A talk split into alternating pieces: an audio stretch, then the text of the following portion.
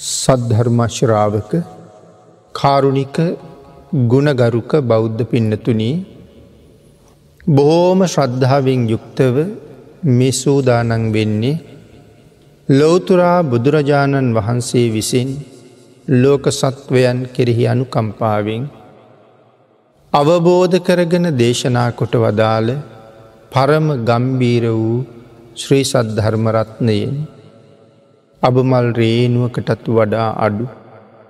බොහෝම පුංචි කොටසක් දේශනා කරවගෙන ධර්ම ගෞරවය පෙරදැරි කරගෙන දේශනාගත ධර්මය ශ්‍රවණය කරන්නත් එසේ ධර්මශ්‍රවණය කිරීමෙන් ලැබෙන අවවාද අනුශාසනා තම තමන්ගේ ජීවිතවලට එකතු කරගෙන වඩාත් නිවැරදි මෙලව ජීවිතයක් සකස් කර ගණ්ඩත් නිවැරදි වුණ මෙලව ජීවිතයක් තුළින් සුගතිගාමී වූ පරලොව ආයිති භවයකින් සැනසෙන්ඩත් අවසානි ප්‍රාර්ථනා කරන උතුම් බෝධියෙන් සැප සහිත ප්‍රතිපදාවෙන් නිර්වාණ ධර්මය අවබෝධ කර ගැනීමේ චේතනාවත් ඇතුවයි ධර්මශ්‍රවනය කරන්න සූදානන් වෙන්න. පිනතුන අපේ බුදුරජාණන් වහන්සේ මනාව ධර්මශ්‍රවනය කරන්න සූදානන් වෙන ශ්‍රාවකය විසින් මහත් වූ බලාපොරොත්තුවක් පෙරදැරි කර ගත යුතුයි කෙල දේශනා කොට වදාලා. ඒ බලාපොරොත්තුව තමයි මේ ධර්ම දේශනාව ශ්‍රවණය කරන අතරතුරදීම. මාගේ පංච නීවරණ ධර්මයන් යටපත්වේවා. සප්ත බෝධ්‍යාංග ආදී ධර්මයන් වැඩී දියුණු වේවා. මේ දේශනාව අතරතුරදීම මට උතුම් මාර්ගයක් පලයක් අවබෝධ වේවා කියෙන සිතින් යුක්තවම ධර්මශ්‍රවණය කරන්න දේශනා කළ. අපි ඒ විදිහෙටම ධර්මශ්‍රවණය කරන්න උත්සාහ කරමු. පිනතින අද ධර්මදේශනාවේ මාතෘකාව හැටියට මම යොදාගණ්ඩ කල්පනා කළේ තිලෝගුරු සම්මා සම්බුදුරජාණන් වහන්සේ ශ්‍රීමක ධාතුවෙන් දේශනා කොට වදාළ උතුම් ගාථාරත්නය. අජ්‍යේව කිච්චං ආතප්පං කෝජඥා මරණං සුයි. නහිනෝ සංගරන්තේන මහා සේනේන මච්චුනා. මේ ගාථාරත්නයේ සරල තේරුම කල්පනා කරල බැලුවොත් අජ්ජේව කිච්චං ආතප්පා. අද කළ යුතු දේවල් අදම කරන්න. කෝ ජඥා මරණං සුයි. කෞුද දන්න? හෙට මැරෙයිද කියලා. නහිනෝ සංගරන්තයෙන නොමැරුණ කෙනෙක් නෑ. මහා සේනේන මච්චුණ. මාරයගෙන් බේරෙන්ඩ පුළුවන් කෙනෙකුත් නෑ. ලක්ෂයක් කෝටියක් තවත් දේපොල අල්ලසක් හැටියට දීලා. එක තප්පරයක් මට ජීවත්තෙන්ට තව ඉඩ දෙන්න කියල කීවොත් ඒ ඉඩ හම්බෙන් නෑ. අපේ කිසිම දෙයක් ගන්නෙත් නෑ. නමුත් මේ ලෝක ඉපදිච්ච හැම කෙනෙක්ම මරණයෙන් ජීවිතය කෙරවල කරගත්තා. නහිනෝ සංගරන්තේන මහාසේනේන මච්චුණ. අතීතයේ හිටපු මහසෙනග සේරම මැරිලා. වර්තමානය ජීවත්වෙන අය මොහොතින් මොහොත මොහොතින් මොහොත එක එක් කෙනා මැරෙනවා. මැරිච්ච අයගේ ලයිස්තුවක් අපි ලියනවා සමහර වෙලාට. දවසකේ ලයිස්තුවට අපේ නමත් එකතු වෙනවා. එහින්ද මරණයෙන් ගැලවීමක් නෑ. කියන කාරණාව මේ ගාථාරත්නය සරල තේරුම්. මේ ගාථාරත්නය යටතේ කරුණු කීපයක් අපිට සාකච්ඡා කරන්න පුළුවන්. සසර බොහෝම දිගයි. මනුස්ස ජීවිතයේ ඉතාම දුර්ලබයි. නරක දුක්කයෝ බොහෝම භයානකයි. බුද්ධෝත් පාදයද ඉතාම දුර්ලබයි. මරණය ඉතාම ඉක්මන්. මේ කාරණා ටික මේ ගාථාරත්නය යටති සාකච්ඡා කරන්න පුළුවන්. සසර බොහෝම දිගයි. මොකදද පින්නතුන සසර කියල කියන්නේ. ඉපදෙනවා ජීවත්වෙනවා මැරෙනවා. මැරුණ කෙනා ආයෙත් උපදිනවා. ඔහු ආයෙත් දවසක මැරෙනවා. නැවතත් උපදිනවා. නැවතත් මැරෙනවා. මැරුණොත් උපදිනවමයි ඉපදුනොත් මැරෙනවා. මැරිච්ච කෙනා ආය උපදිනවා. මැරිමැරී ඉපදීපදී නැවත මැරිමැරී නැවතත් ඉපදීපදී යන මේ ගමන නිමාවක් නෑ. කවදහරි දවසක ඒක නිමා කරන්න ඕනේ. එහෙම නැත්තං නිකම්ම නිමාවට පත්වෙන්නේ පත්වෙන්නේ නෑ. කොච්චර දිගයිද සසර. බුදුරජාණන් වහන්සේ දේශනා කරනවා අනමතක්ගෝ යම් භික්කවේ සංසාරු පුබ්බාකෝටීන පඤ්ඥායි. මහනෙන මේ සංසාරය පෙර කෙරවල පණවන්න බෑ කියලා.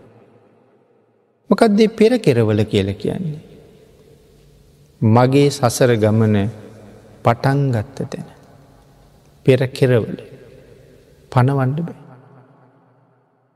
මොකදද මේ පණවන්ඩ බෑ කියන වචන තේරුම ඒ කියන්නේ බුදුරජාණන් වහන්සේවත් ඒ පෙර කෙරවල දන්නෑ කියන එකද භාගිතුන් වහස දන්නවා. සරුවඥයි කෙලෙකිව නොදන්න දෙයක් නොදන්න දෙයක් නෑ. නමුත් පනවන්ඩ බෑ කියලකීවේ ඒ පෙර කෙරවල ගැන කරුණු සඳහන් කලාට අපිට තේරෙන්නේ නෑ. ඉලක්කමින් කීව මේ ලෝකෙ කතා කරන්න තියෙන අන්තිම ඉලක්කම අසංකය. අසංකයෙන් එහාට ගානක් නෑ. එතට අසංකය ලියන්නේ එකයි බින්දු එකසිය හතලිය. නමුත් පිනතුනේ අපි ඊට වඩා ඉපදිලා තියෙන. භාගිතුන් වහන්සේට ඒ ප්‍රමාණය දක්වන්න පුළුවන් අසංක්‍යවත් තේරෙන් නැති අපිට එයින් එහාට ගිය යමක් කොහොමුවත් තේරෙන්නේ. ඒකයි පුබ්බා කෝටී න ප්ඥායිති කියල දේශනා කළ. භාග්‍යතුන් වහසෙත් දන්නේ නැත්තන් ඒ පෙර කෙරවල මේ දේශනාව මීට වඩා වෙනස් වෙනවා. භාග්‍යතුන් වහන්සේටත් පෙරකෙරවල පේෙන් නැත්තං අනමතක්ගෝයන් භික්කවේ සංසාරූ පුබ්බා කෝටීන්න පස්සති. මහනින මමවත් ඒ පෙරකෙරවල දකිින් නෑ කියල දේශනා කර. නමුත් භාගිතුන් වහසේ හෙම දේශනක් කරලා නෑ. එනම් ඒ සසර ඒ තරම්ම දිගයි. උදාහරණ අපිට පැහැදිලි කළා. බනාහනාය පින්නතුන මේ ජීවිතයේ අම්මා මැරුණ හම අපිට කඳුළු වෙනවා. සමහරයගේ අම්මා මැරිල ඇති සමහරයගේ අම්ම ජීවිතනුවෙන්. පිනතුනි කවදහරි අම්ම මැරෙනවා. මැරුණහම ඇස්වලට කඳුළු වෙනවා. භාගිතුන් හස දේශනා කරනවා මේ ජීවිතයේ අම්මා ඇයම පෙරජීවිතෙත් අම්මා වෙලා හම්බෙලා තියෙන. ඇයමයි පෙරත් හම්බෙලා තියෙන. මේ නමින්මයි හම්බෙලා තියෙන.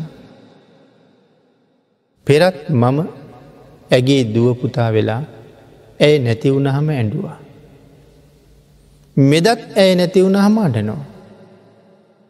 මේ අම්මා වෙනුවෙන් සංසාරය අඩාපු කඳුළු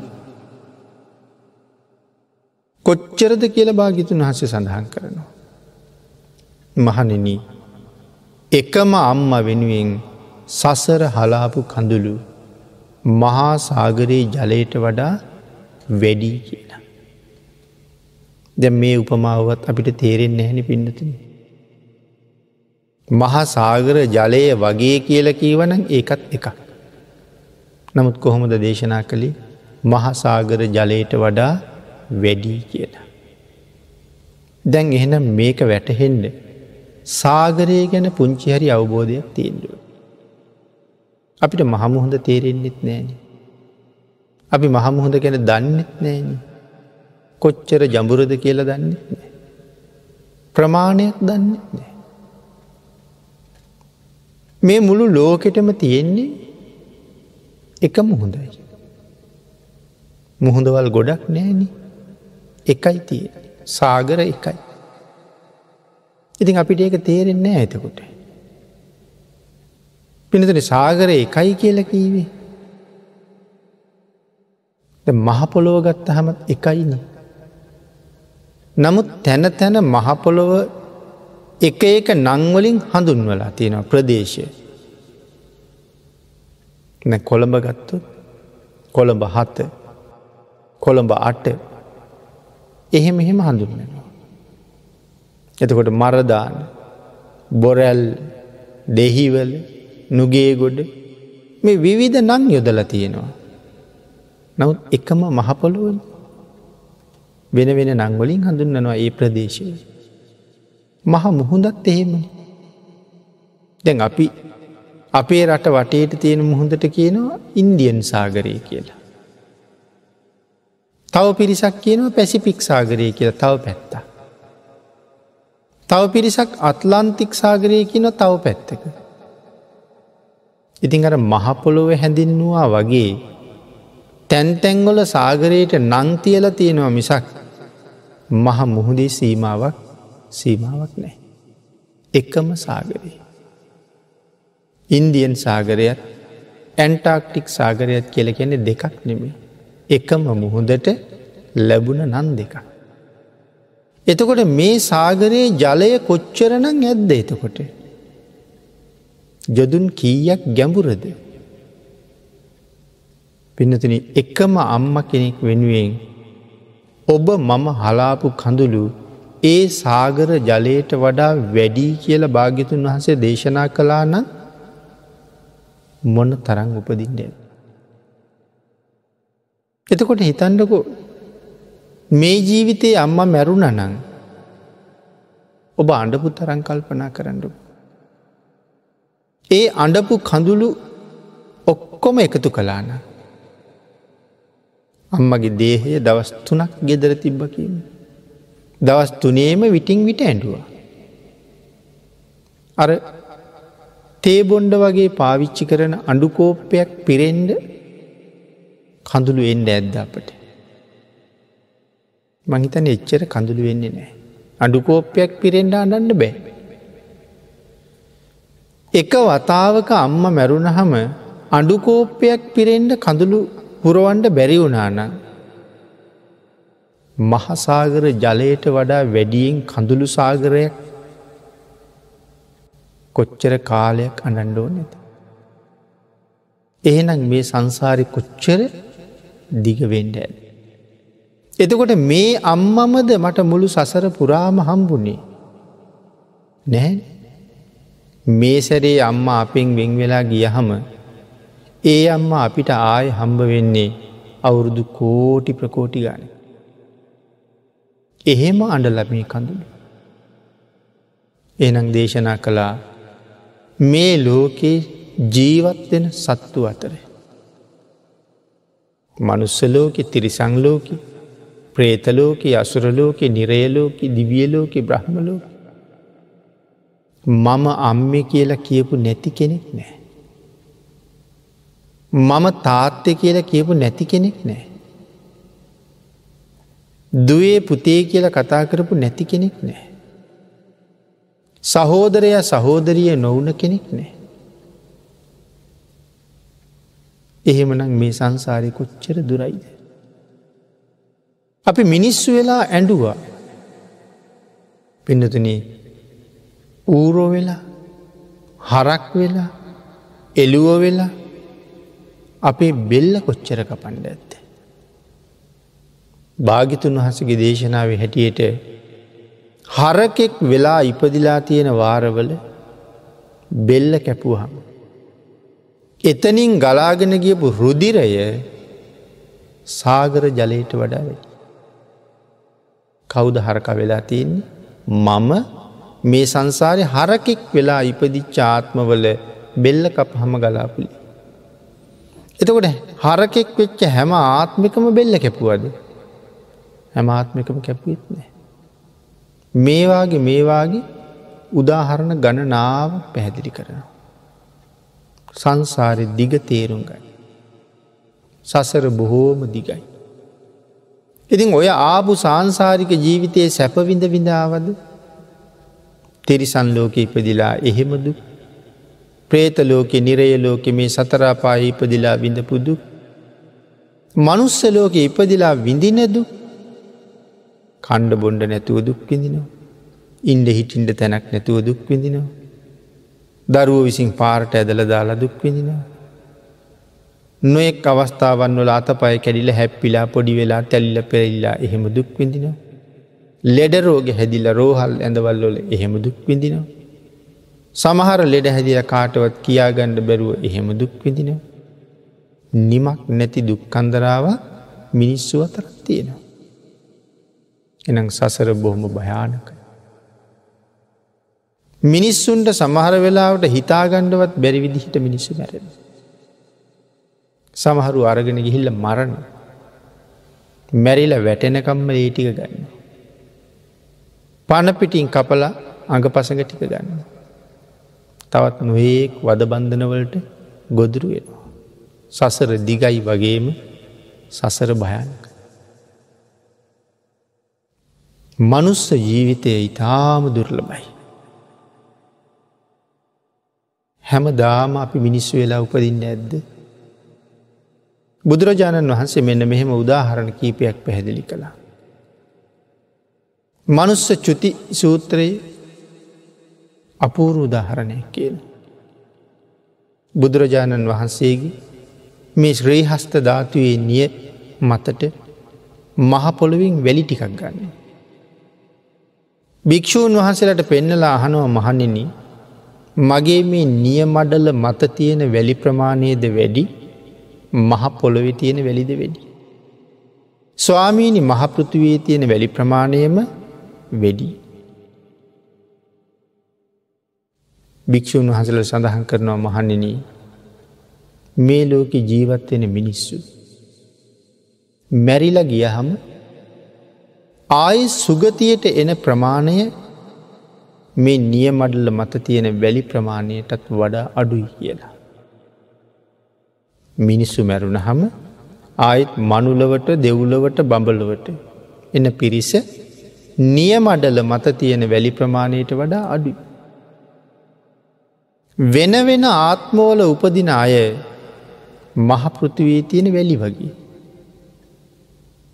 එතකොට මේ ඉන්න මිනිස්සු මැරුණ හම ආපහු සුගතියට එන්නේ ඉතාම ඉතාම සුළු පිරිසයි. දැඟ සූත්‍රයේ සඳහන් කරනවා නියමඩල මත තියෙන වැලි ප්‍රමාණයට වඩා අඩුයි කියලා.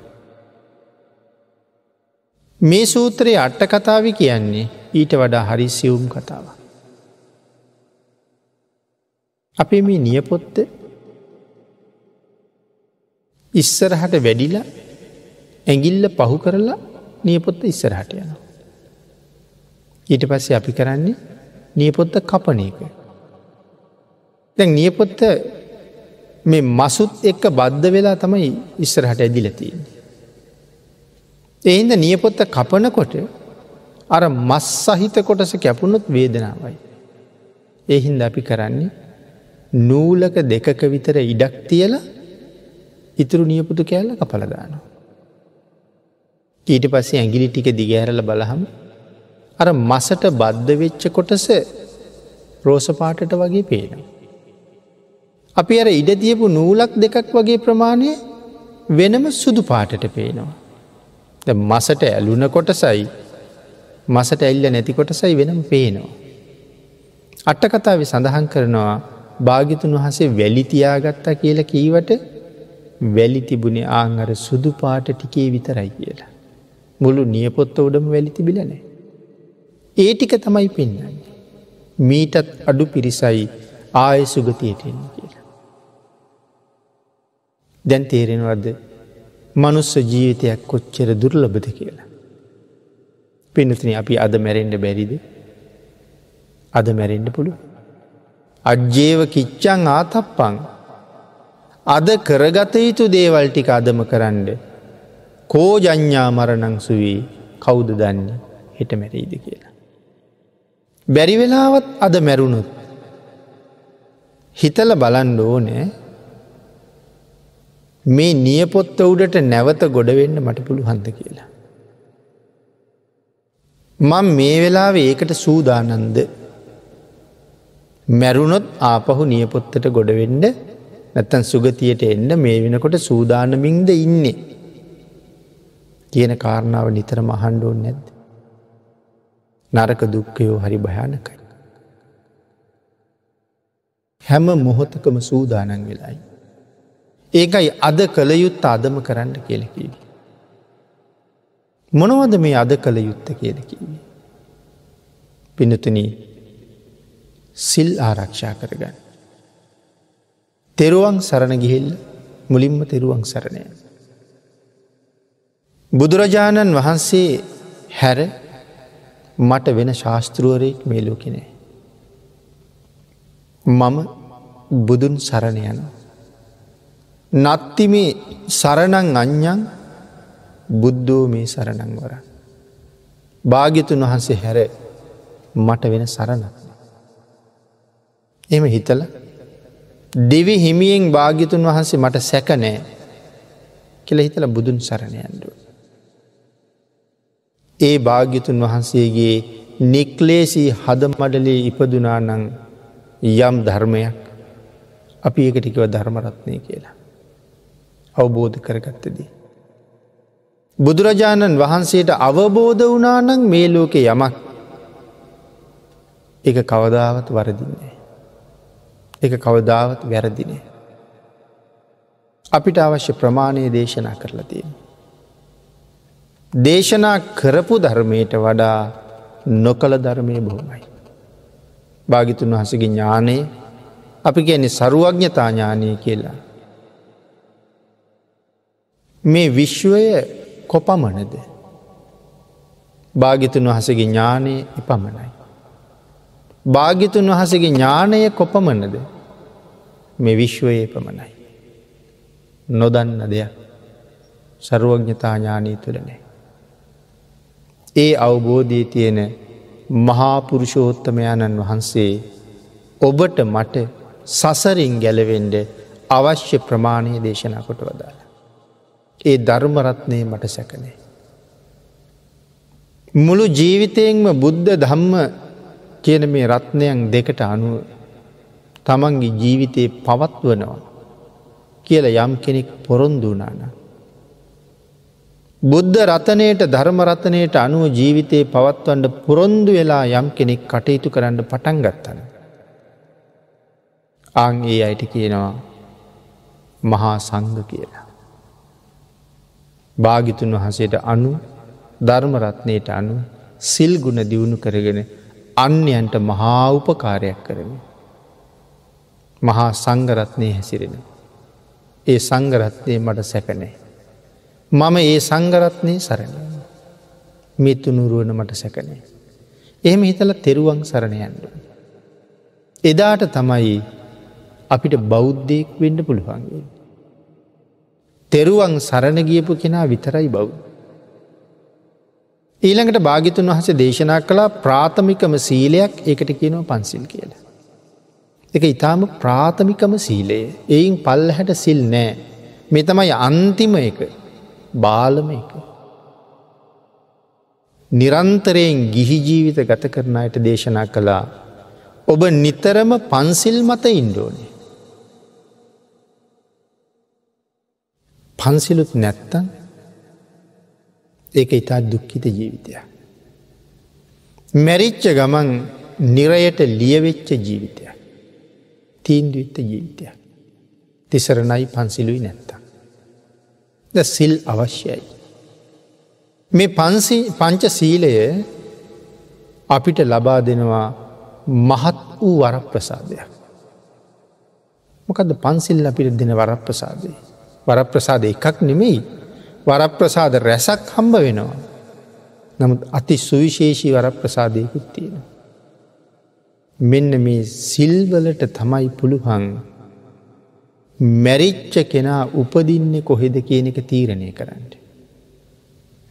මොහු මැරුණා මොහු කොහෙද උපදින්න ඕනේ කියන එක තීරණය කරන්න කවුද සිල්. එතකොට අපි ගාව සිල් තියෙනවද කියලා අපි හර්ද ශාක්ෂය මහන්ඩෝනි. සිල් තියෙනවනං උපදින තැන තීරණය කරලා තියෙනවා හැබැයි ඒ සතරාපාය නෙමේ. සුගතිය. සිල් නැතිනම් ඒත් උපදින තැන තීරණය වෙලා තියෙනවා සතරාපායට. සිල්වත් නං විතරක් සුගතියක උපදින්න පුළුවන්.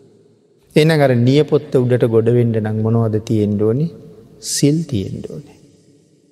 ඊළඟට බුදුරජාණන් වහසේ දේශනා කලා පිනතුනි දසදාන වස්තුව.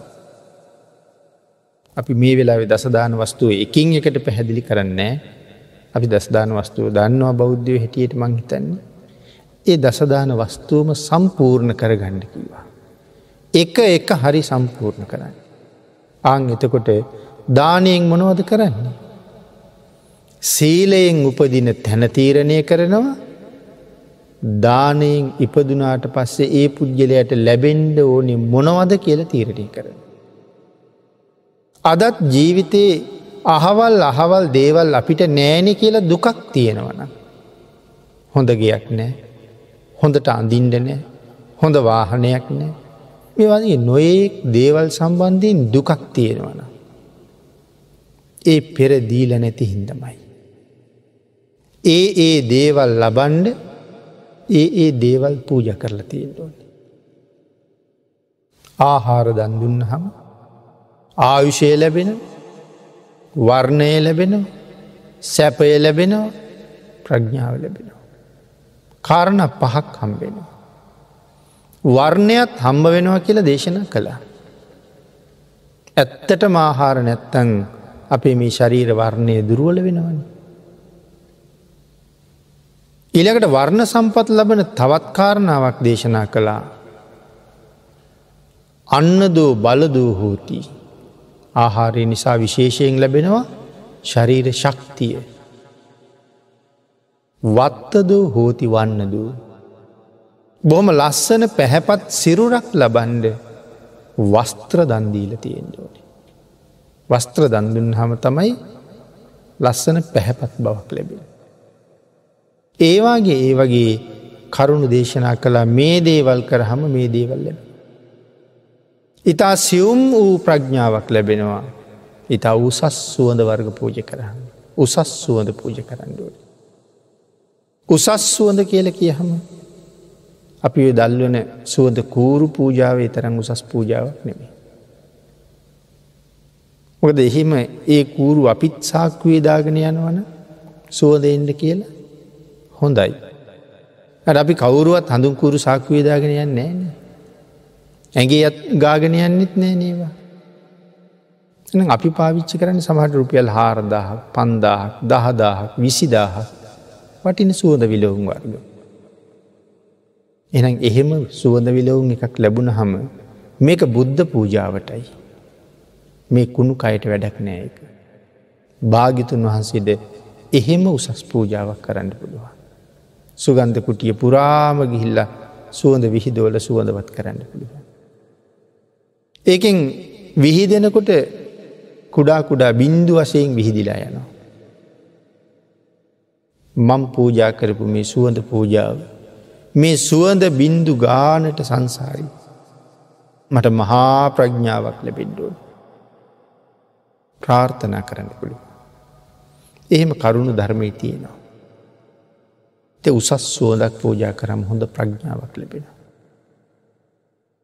පෙරහංකඩ වගේ දේවල් පූජ කරහම දීර්ගාවිශ ලැබෙනවා. පෙරහංකඩයකින් මොනවද කරන්නේ අපි හිතන් නෑමවා ලොකු පූජාවල් කියලා. පෙරහංකඩයක් රුපියල් ඉස්සක් විතර ඇති. ඉති ඒක පූජ කරන්නි කල ඇජ්ජයි වගේ. නමුත් පෙරහංකඩින් කරන්නේ අපේ ශරීරයට අහිත කර දේවල් පෙරල හොඳ ටික අපිට දෙන එක. වතුරණ පෙරන්නේ ඕකින්. වතුරේ තියෙන කෑලි වතුරේ තියෙන රොඩු ඔක්කොම පෙරහංකඩේ නවතිනවා හොඳ වතුර ටික අපිට හම්බ. අහිත කර ටික නවත්ත ගනවා. එහෙම පූජාවල් කර හම් සංසාරයේ වස විස වගේ දේවල් ශරීරගත වෙන්නේ. ඒකෙන් අපේ ආයුෂයේ දිගයි. වස විස කැවුණුත් ආයුෂය කෙටි වස විස කැවුන් නැත්තං ආයුෂය දිගයි. එනම් ඒ පූජ කරහම දීර්ඝාවිෂ ලැබෙනවා. තවත් ඉතාසිවුම් ප්‍රඥාවල් ලැබෙන කරුණ තියෙනවා. කෙනෙක් වැඩිය සලකන එකක් නෑ ඉදිකට පූජාවගෙන. හමහට රුපියල් දෙකතුනකින් ඉදි කට්ටක් ගන්න පුළුවන්. දි පූජ කරන්නේ කවුරුව. පූජ කරන ඉන්න වනම් විශේෂයෙන් අරගෙන ඉදිකට පූජාවක් කරන්නේ. අඩුයි. ඉතා සුළු මුදලක් බව ඇත්ත. නමුත් අපේ පිනතුන් හිතන්ඩකු මේ ඉදිකට්ටෙන් කරන වැඩේ මේ ලෝක වෙන මොකෙන්ද කරන්න පුළුවන් කියලා. ඉදිකට්ටෙන් කරන වැඩේ වෙන මොකෙන්වත් කරන්න බේ. එනම් ඉදිකට්ටක් ඕනැවෙච්ච වෙලාවට ඒ වැඩේට ඉදිකට්ටම ඕනෑ. එතනයි වටිනාකම තියෙන්. මැනික් ගලක් දුන්නත් ඉදිකට්ටෙන් කරන වැඩේ කරන්න බෑනි. රත්තරන්ගෙන හිල්ල දුන්නත් ඉදිකට්ටෙන් කරන වැඩේ කරන්න බෑනි. එන ඉදිකට්ටක් මෝනේ. ඉතාම සිවුම් ප්‍රඥාවල් ලබන්ට තවත් හේතුවෙන මහා ආනිසංස තියෙන පූජාවක් ඉදිකට පූජාව. ධර්මයෙන් මේ කරුණු හොයන්ඩ ඕනේ. දානය ගැන සඳහන් කරනකොට මේ කරුණු හොයන්ඩ ඕනේ. අපේ දහම් පොත්පත්වල ඒ ඒ පූජාවල්ලු ආනිසංස වෙනම පැහැදිලි කරලා තියෙන. ඒවා දැනගෙන එවන් හැම පූජාවක්ම ජීවිතය කරගෙන තිබුණ හම සසරට අඩු පාඩුවක් නැතුව හැමදේම හැමදේම ලැබෙනවා. අංඒකයි කිවා ජේව කිච්චං ආතපං අද කළ යුතු දේවල් අතම කරන්නට. මේ ජීවිතය ඉඳගෙන පින් රැස් කරනවා කියල කියන්නේ ඇත්තරම මොනවදී. මා පුුණ්‍ය භායි කියන සූත්‍ර දේශනාව භාගිතුන් වහස දේශනා කරනවා මහනිනී. මතු සංසාරය ජීවිතවල අනාගතයේ සැප බලාපොරොත්තු වෙනවනං යම් කෙනෙ. ඒ පුද්ගල මොනවද කරන්න වන්නේ. අනාගතයේ සැප බලාපොරොත්තු වෙනවන. දුකක් නැතුව ජීවත් එන්න බලාපොරොත්තු වෙනවන. ඔහු කරන්න ඕනි ඔහු කළ යුතු පිඩතින පින් කරන එක. මහනෙන මේ ලෝකෙ පින කියල දෙයක් තියෙනවාද. මහනිනි පින කියල කියන්නේ සැපයට නම. පින කියල කියන්නේ සැපයට නම. එනම් කෙනෙක් පින් රැස් කරනවා කියල කියන්නේ සැප රැස් කරනවා කියන එක. අනාගත ජීවිතයේ දුකක් නැතුව ජීවත්වෙන්ට දෙයක් හොයනවා. නමුත් ප්‍රඥාව නැති අය මෙලව ලෞකික සම්පත්තිනුවෙන් විතරක් රෑදවල් දෙකේම මහන්සියනවා. පින් කරනවා කියන තැනට යනකොට බොහොම පොඩි කාලය යොදලතියෙන්. කම්මැලිවියක. ඉතින් අනාගතත් එතකොට තියෙන්නේ දුක් සහිත ජීවිතයක්ම තමයි. එද මනුස්ස ජීවිතය හරි දුර්ලබයි. ලැබුණත් ඉතාම වේගෙන් විනාස වෙනවා. අපි කරන හැම වැඩක්ම මැරෙන්ඩ හේතුවෙන වැඩ. පෙර පින් තියෙන නිසා තාම මැරුණි නෑ. එක ඉවර වෙච්ච දවසක මොනව හරි හේතුවකින් මැරිල වැටෙන. මේ ඉන්න පෙරපින නිසා. තැගෙන මේ ඉන්න මොහොතක් ගානේ වියදැන් වෙන්නේ මොනවද පෙරකරපු පින්. කෙනෙක් අන්තර්ජාලි සැරිසරනවා. දුරකතනයක් කර. නමුත් ඔහු ඒ ලෝකෙ දැන්ගන්නේ. නමුත් ඔහු ඒ ලෝකෙ තියලා ඔහුට ඒ ලෝකෙ ඉන්ඩ වෙන දෙයක් විය දැහෙන. අන්තර්ජාලී සැරිසැරීම සඳහා භාවිතා කරපු මුදල් ටික ඉවර වෙනවා. අපි වෙන කාරණාවක ඉන්නවා. හැබැයි ඉවර වෙච්ච ගමම්ම ඒ සැරිසැරීමත් නතර වෙනවා. ආයෙහෙමන මුදල් දාණ්ඩ වෙනවා. අපි මෙහෙම ජීවත්වෙනවා කාල බීල ඇඳල. නමුත් මොනවද වියතන් වේගෙන යන්නේ. පෙරකරපු පින් ටික ඉවර වෙනවා. මැරිලගිය හම පින් නැති හින්ද පින් අඩු හින්ද පව බලවත් වෙලා දුගතිය උපදින. නරක දුක්කයෝ බොහොම භයානකයි කීවේ නිරය අතිශය භයානකයි.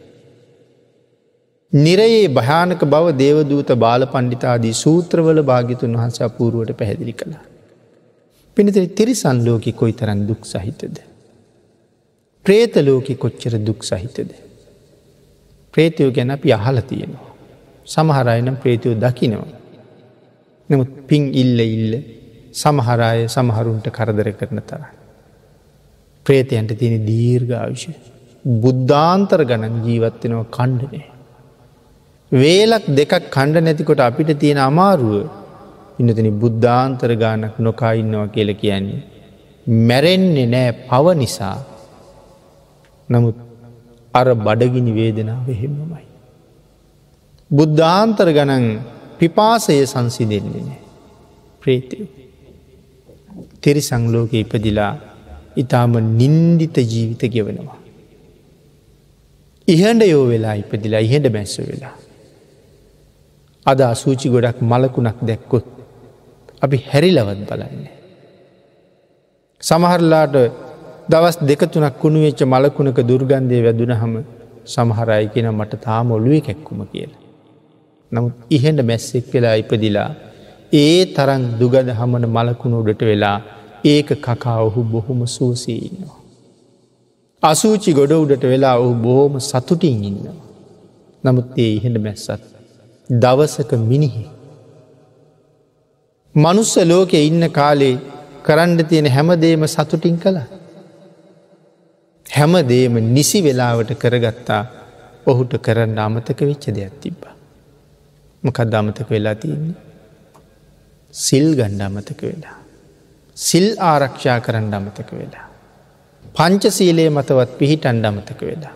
ඉගෙන ගත්තා විශ්ව විද්‍යාලවල ගියා උපාදි අරගත්තා ආවාහ විවාහ වුණ දරුමල්ලු හැදුව ව්‍යාපාර කෙරුව රැකී රක්ෂා කෙරුව ගෙවල් දොරවල් හැදුව යානවාහන ගත්ත ඔක්කොම කලා සිල් ගණ්ඩමතක වෙලා මැරිල ගිහිල්ලා ඉහළ මැස්සක් කියලා. මැරිල ගිහිල්ල කූබියෙක් වෙලා. මැරිල ගිහිල්ල මදුරුවෙක් වෙලා. මැරිල ගිහිල්ල පණුවෙක් වෙලා. කොයි තරං දුක්කිතද. එනම් නරක දුක්කයෝ හරි භයනකයි. බුද්ධෝත් පාදේ ඉතාම දුර්ලබයි බුදුවරු ලෝකෙ පහළ වෙන්න පහසුවී. අති දීර්ඝ කාලිකට සැරයක් ඉතාම කලාතුරකින් බුදු කෙනෙක් පහළ වෙලා මේ ලෝක ස්වභාවය ක්‍රියාත්මක වෙන හැටි අපිට කියල දෙනවා. මෙන්න මේ ස්වභාව ධර්මයා මේ විදිහටයි හැසිරෙන්නේ. ස්වභාව ධර්මයට යමෙක් විරුද්ධද ඔහුට ස්වභාව ධර්මය දඩුවන් කර. යමෙක් ඒ ස්වභාව ධර්මයට අනුගතද ඔහුට රැකවරණයක් තියෙන. ඕක අපි දන්නේන. බුද්ධෝත් පාද කාලෙත් අබුද්ධෝත් පාද කාලෙත් පව පවම තමයි නමුත් අපි දන්නේ. කලාතුරකින් බුදු කෙනෙක් පහළ වෙලා අපිට කළ යුත්ත නොකළ යුත්ත සිහි කැඳවලා දෙනවා. ඒ සබුදුවරු හැමදාම දුර්ලබයි. නමුත් අපි වාසනාවන්තයි බුද්ධෝත් පාද කාලයක සම්මාධිට්ටික මනුස්ස ජීවිතයක් ලැබවා. එක තේරුම් ගණ්ඩෝන හොඳට. මරණය ඉතාමක්ම. ඕනෑම වෙලාවක මැරෙන්ඩ පුළුව. මේ දේශකනාව ඉවර වෙනකං ජීවත්තය කිය ලැප්ට විශ්වාසයක් නෑ. අද ගෙදරයයි කිය ලැප්ට විශ්වාසයක් නෑ. හෙට උදේ කටයුතුවලට යොමුවෙයිද කියල විශ්වාසයක් නෑ. තන පතක් අග රැඳුන පිණි බින්දුවක් වගේ මේ ජීවිතය අස්තිරයි. කොයි වෙලාවෙ පිණි බින්දුව වැටීදන්නේ. මේ ශරීරයේ ඉන්ද්‍රියන් කොයි වෙලාවෙ නතර වෙයිද දන්නේ. හැම ඉන්ද්‍රියකටම යම් යම් වෙලාවක වීක තියෙනවා. අපි නිදාගත්තත් ඉන්ද්‍රියන් ක්‍රියාත්මකයි. සමහර ඉන්ද්‍රියන්ට විතරයි විවේක තියෙන. නිදාගත්තාම ඇහැට විවේකයක් තියෙන. නිදාගත්තාම කටට විවේකයක් තියෙන. නිදාගත්තාම අතපායට විවේකයක් තියෙන. නිතාගත්තාම මොක දේවල් හිතන් නැති නිසා හිතටත් විවේකයක් තිය. නමුත් අපි නිදාගත්තට නිදි නැති ඉන්ද්‍රියන් තියෙනවා. හරද වස්තුව කවදාවත් නිදියන්නේ. පෙනහැල්ල කවදාවත් නිදියන්නේ නෑ සොසන පද්ධතිය. අම්මගේ කුසට කලලයක් හැටියට ආපු දවස තිබුණන එදා ඉදලා හදයවත්තු රූපයක් තිබ්බා. හරද වස්තුව එදා ඉඳලම වැඩ. තැඟිතවට කෙනෙකුට අවුරුදු තිස් පහක් විතර. අවුරුදු තිස් පහක් රෑ දවල් එක මොහොතක් නතර වුණේ නැතුව මෙහරද වස්තුව එක දිගටම වැඩ. සමහරුන් ගෙහරද වස්තුව මෙලහට අවුරුදු හැටක් විතර එක දිගටම වැඩ. අවුරුදු පණහක් විතර එක දිගටම වැඩ. මහන්සි නැතුව ඇද්ද. ආංගේ වෙලාවට හදිස්සියේම නතර වෙන්න පුළුව. ඒක දිගටම වැඩෙන අවුරුදු තිස් පහක් කතලිහක් රෑදවල් නැතුවම වැඩ. ඉති හදිසියේ නතර වුණ වාහනයක් වුණත් එහෙමනි රත්වෙලා රත්වෙලා රත්වෙලා නවතින. ඉති මේ හරද වස්තුවත් වැඩ කරලා වැඩ කරලා කොයි වෙලාවෙ නවතියද. සමහර වෙලාවට නොයෙක් ප්‍රශ්නය. රුදිර ගමන් කරන නාල සමහරුන් ගෙහිීන් වෙලා. දි ඒ තැන්ගොලට ගිල තෙරපිලා තෙරපිලා තෙරපිලා කෞද දන්නේ මේ වෙලාවෙත් තෙරපෙමින්ද තියෙන්නේ කියලා. හදිසි පුපුරපු ගම ඒත් ජීවිතය ඉවරයි. ලේ කැටියක් හැදිලඇවිල්ල හිරවෙච්ච ගම ඒත් සමහට සදහටම අභගාත වෙන්නත් පුළුව නැත්තන් ඉවරම වෙලා ජීවිතය නැතිවෙන්න. එතකොට එහෙමනි අස්තර ජීවිතයක් නෙම අරංගන්න මේක මේ අනිත්‍යයි අනිත්‍යයකිවට ඔක තේරුන්නේන. ඉතින් එහෙම කොයි වෙලාවෙ නවතීද දන්නේ. එහින්ද මරණය ඉතාම ඉක්මං එක තව අවුරුදු දහයක් විතර යන්නත් පුළුවන් නමුත් අද රෑට වෙන්නත් පුළුවන්. කෙසේ වෙතත් සූදානන් වෙලා ඉන්න එක වටිනවා.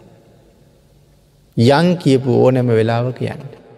ජීවත් වෙනවා කියල කියන්නේ මරණයට සූදානන් වෙනවා කිය. ජීවත් වෙනවා කියල කියන්නේ ඊළඟට උපදින භවය සැපවත් කරන්න වැඩ කරනවා කියන එක. මෙහෙ වැඩ කරලා හම්බ කරපු දේවල් ලොක්කොම යනකොට දාලයන්න. ඒවා ලෝකයට බුක්තිවිදිට. යුතුකං කරන්න ඒවත් කරන්න ඕනේ නමුත් ප්‍රඥ්ඥාව තියෙන පුද්ගලයක් තමන් ගැනත් හිතනවා. ප්‍රඥ්ඥාව නැති අයි මෙලොවට විතරක් හොයනවා. එද මෙලොවටත් හොයා ගන්න ගමන් පරලෝට වැඩිය හොයාග. මරණය උදාවුණු ඕනෑම මොහොතක සතුටින් යන්ඩ සූදානන් වෙන්ඩ ඕනේ මොකද දන්නවා. මම කරලා තියෙන වැඩවල හැටියට මීට වඩා හොඳ තැනක උපදිනවා කියලා. එතකොට මැරෙන්ඩ බයනෑ. එනම් ධර්ම දේශනාවට තියෙන කාලයේ නිමා වෙලා නිසා.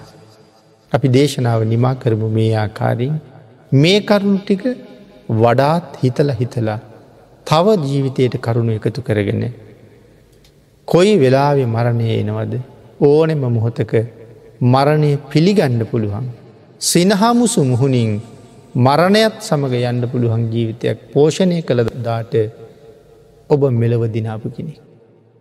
එතෙන්ට යන්ඩ රත්නත්‍රයාශිරුවාදින් ඔබට ශක්තිය දහිරිය භාග්‍ය වාසනාව උදාවේවා කියලා ආශිරවාද කර.